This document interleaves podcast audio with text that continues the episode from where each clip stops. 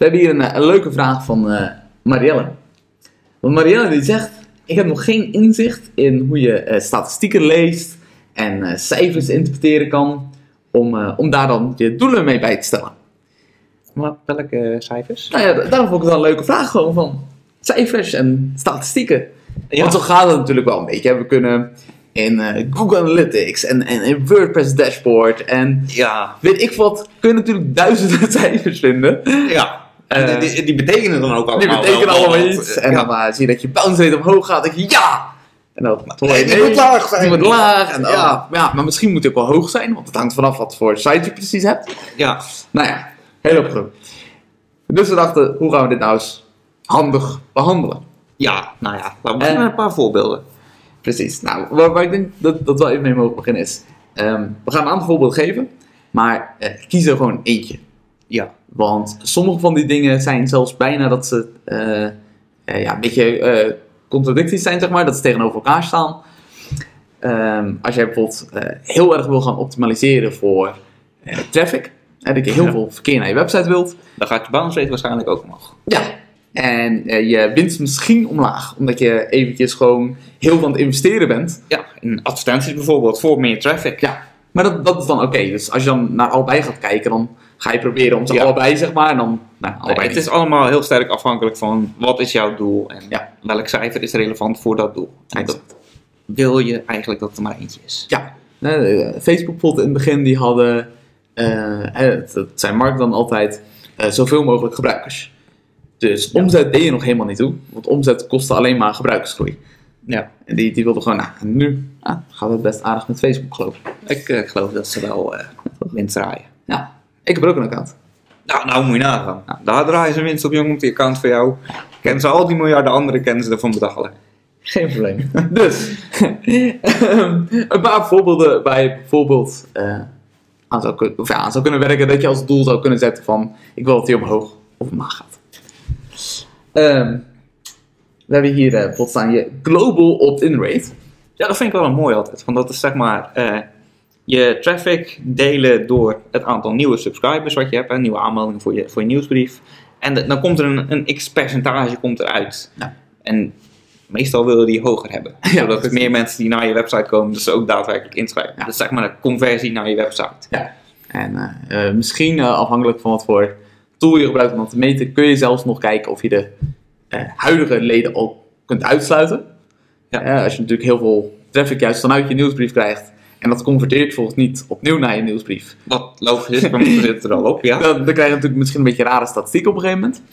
Eh, maar dat is dan heel goed natuurlijk om bij te houden van hoeveel mensen converteren naar je nieuwsbrief. Dat ja, die zijn genoeg geïnteresseerd om je te willen blijven volgen. Zeg. maar. Ja, en als jij eh, als, als doel hebt om bijvoorbeeld je nieuwsbrief heel erg te groeien, dan zou je dat eens kunnen gebruiken. Je zou kunnen gebruiken gewoon het absolute aantal. Ja. Gewoon, hè, ik heb nu eh 1000 leden, ik, ik wil naar de 5000, naar de 10.000, Ja. naar de 20.000. En dat is natuurlijk ook weer afhankelijk van waar, waar ben je mee bezig. Want als je alleen naar het absoluut aantal kijkt, dan kan je ook zeggen van nou, ik blijf op mijn website blijf ik dit doen. Maar Ja. ik doe ook op Facebook een advertentie die ook kan converteren. Of ik doe ook eens een keer een post op een andere website kan converteren. Ja. En dan, ja, tuurlijk, je krijgt meer subscribers, maar dat heeft niet per se invloed op je global opt-in rate. Nee, die, die zou zelfs zomaar kunnen zakken. Ja, Wat, wat niet per se erg is dan.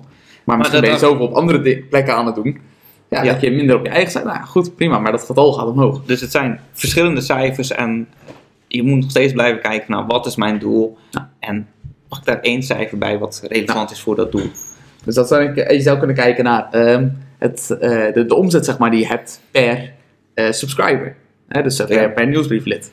Ehm, dus ik zeg van die wil ik waarschijnlijk omhoog laten gaan. Ja. Ja, en dan weet je dus ook van hoeveel kan ik uitgeven aan een eventuele advertentie eh, Ja. En nog steeds winst draaien. Ja, als je weet, een gemiddeld nieuwsbrieflid levert met 10 euro op. Ja. Nou, dan kan je dus makkelijk voor En dat 5 kost- euro. Ja. Ehm, nou, ik zei, een aantal mensen natuurlijk, eh, verkeer op je website. eh, is er overigens eentje waar ik zelf meestal niet een heel grote voorstander van ben.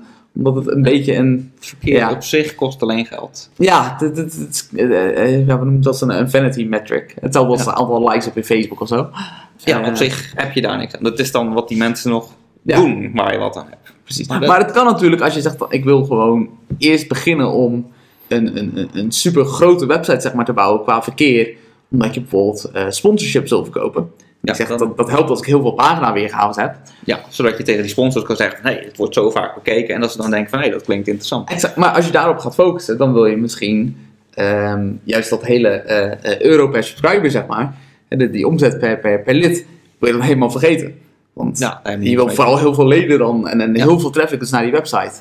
Ehm, dan ga je ook weer misschien dingen anders doen met, met die nieuwsbrief bijvoorbeeld. Eh, Dat je mensen vanuit de nieuwsbrief veel meer naar je website wil hebben.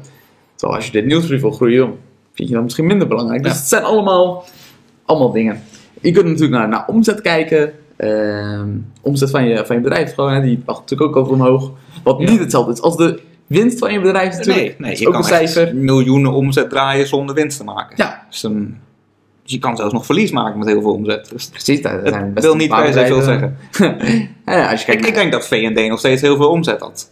ik denk het ook. Maar ze Eh, zijn nou wel failliet. Kijk naar Amazon. Ja, Amazon draait gigantische omzet en toch zie je elk kwartaal dat ze best wel weer verlies draaien. Ja.